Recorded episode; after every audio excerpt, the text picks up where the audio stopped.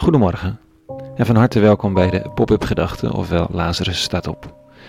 Ik ben Rikke Voorberg en ik schrijf elke ochtend, voordat de werkdag begint, een overweging gebaseerd op de Bijbellezingen van de dag. Een oefening in lezen, associërend schrijven en stilstaan. Dat vooral, even stilstaan. Vandaag met de titel Een dramatische dag. Pop-up pop Gedachten, vrijdag 10 april 2020.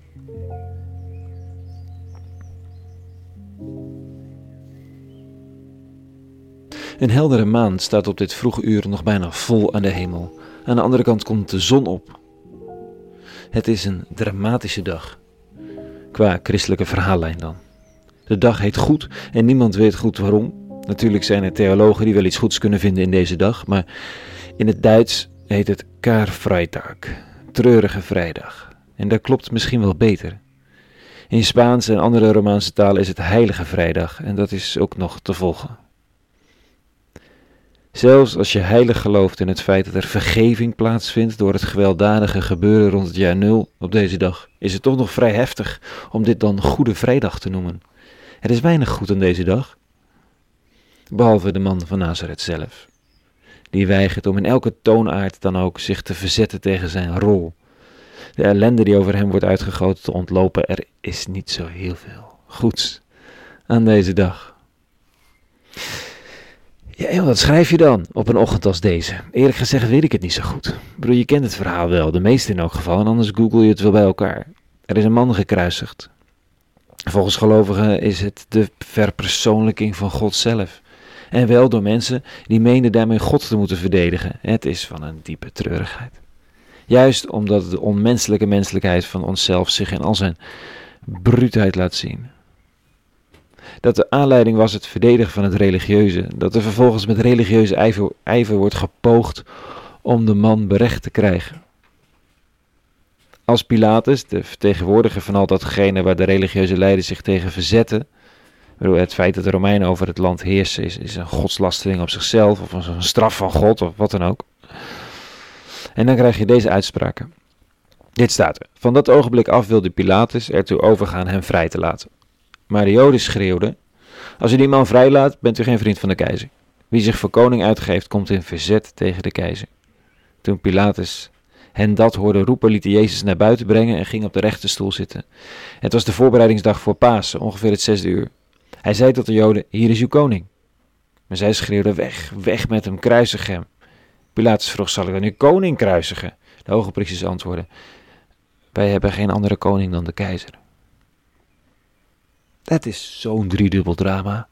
Zo'n waanzinnig plaatje van de verdraaide mens. Het is misselijkmakend. Opeens is men vrienden van de keizer. Opeens moet Pilatus vrezen voor zijn baan. Vanaf het begin ging het niet om het verdedigen van het religieuze. Toen ze in verzet kwamen tegen de zogenaamde godslastering van de man van Nazareth, de maskers vallen af. En het gaat er alleen nog om dat deze man van deze aardkloot verdwijnt. Het gaat er alleen nog om om te winnen. En in de oorlog en de liefde zijn alle middelen geoorloofd, zoiets. Het is zo verschrikkelijk lelijk. Het is niet hen, hè. het is de mens. De mens komt steeds weer in situaties terecht die lijken op deze. Zichzelf vertellend voor het goede te strijden en dan een dramatisch lelijke versie worden. Die je zelf niet meer onder ogen durft te komen, want ja, je bent zo hard voor het goede aan het strijden, toch? Ook deze tekst over de kruisiging is weer zo gebruikt. Het rechtvaardige in de geschiedenis. Het rechtvaardigde in de geschiedenis. Diep haatdragende antisemitische neigingen. Opeens was het niet de mens die zo lelijk kon zijn, maar waren het de Joden geweest. En dus mocht je ze vervolgen, synagoges verbranden, doden. De spiegel die de mens werd aangereikt om stil te staan bij het eigen falen, werd gebruikt om anderen mee te slaan. Hmm. Er is weinig goeds aan deze vrijdag. Nou, behalve dat de eeuwige hem heeft uitgehouden. Het heeft uitgehouden. En er niet de brui aan heeft gegeven en wacht. Wacht totdat de gekte over is. Het verdraagt. En er is als we de graflelijkheid van de mens onder ogen komen en eruit weg willen. Iets anders willen zijn. Opnieuw willen leren liefhebben, vertrouwen, het goede doen. En dat de beschadigde man van Nazareth dan zegt: Welkom. Ik ben er nog. Ben jij er ook nog? Laten we gaan. Er is werk te doen. Tot zover de pop-up gedachten van vanochtend op deze treurige vrijdag. Het wordt tijd voor Pasen. Nog even. Ik neem een kleine break en ik ben het donderdag weer.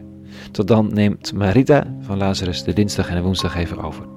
Voor nu, vrede gewenst. En alle goeds.